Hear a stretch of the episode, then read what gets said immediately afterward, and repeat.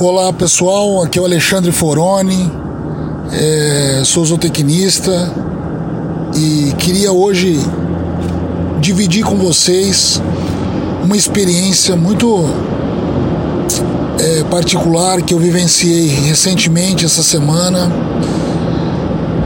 É, alguns já sabem, mas hum, eu toco pecuária juntamente com meu pai e com meus dois irmãos.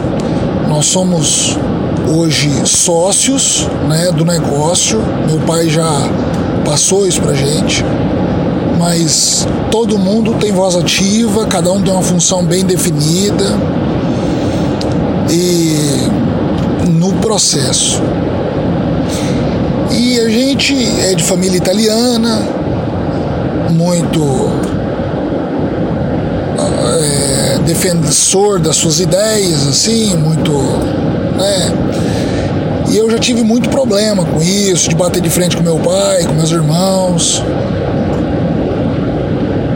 E, e eu mudei, né? É, aprendi a lidar com isso e acho que estou aprendendo cada dia mais. Essa semana mesmo, eu depois da nossa reunião, a gente faz uma reunião toda segunda-feira e aí a gente estava discutindo, como a gente já fechou os bois no confinamento, a gente estava discutindo os ganhos de peso das águas das fazendas e tal. E nós temos uma fazenda que ela é muito difícil de manejo, são capins muito brutos para crescer, ela é muito solo fértil. Enfim, a gente tem umas dificuldades, os ganhos de peso lá em algumas épocas do ano não são tão bons. Sim, não igual na outra, que é só braquearão. É... E aí a gente estava discutindo e tal. E eu propus uma ideia diferente, mudar um pouco o foco da atividade, é, em vez de ser recria, passar mais para cria, aquela fazenda, enfim, argumentei algumas coisas que eu achava. E aí eu perguntei assim, se vocês quiserem, eu estudo a, as curvas de lotação, produtividade, o custo, benefício disso. E aí, assim, eu acho que eu me expressei um pouco mal, assim, e eu fui mal compreendido por um dos integrantes e, e que alegou assim, não, você não, não tem que impor tuas coisas. Eu falei, não, não quero impor. Mas assim, a grande lição que eu tive, que eu acho que foi a, a, o jeito que eu saí disso, muito, muito tranquilo, Antigamente eu levantaria a voz, ficaria bravo. E eu, dessa vez, eu fui completamente diferente.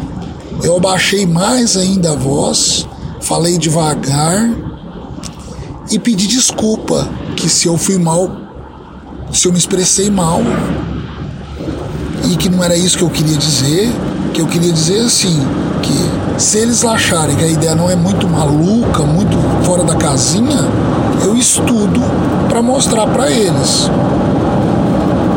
E a conversa mudou da água pro vinho a partir dali e ela foi muito produtiva. Então, muito das vezes a gente que trabalha com a família, até mesmo com funcionário, mas principalmente com a família, isso é, existe uma energia maior aí, além de ser só a questão de chefe, subchefe, não importa, né? A, hierarquia, mas é diferente. Família é família. E existe um amor aí, um carinho, um negócio maior aí que a gente, eu não sei nem explicar isso, que eu não sou especialista nisso.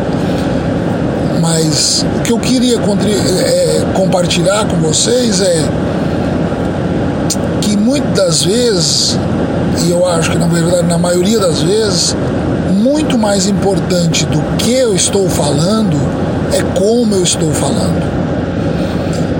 E isso são pequenos atos, é impressionante isso. Já várias vezes aconteceu uma coisa muito parecida com isso, só que essa, essa semana eu senti isso muito forte. não sei se eu estava muito tranquilo com a cabeça e eu, na hora que eu fui rebatido, eu respirei fundo, falei baixo, já falei pedindo desculpa, reexpliquei o que eu queria dizer e dali fluiu muito bem a conversa. Então, fica aí a minha contribuição para esse podcast.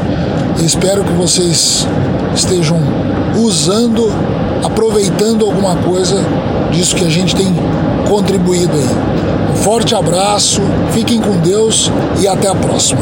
Um abração.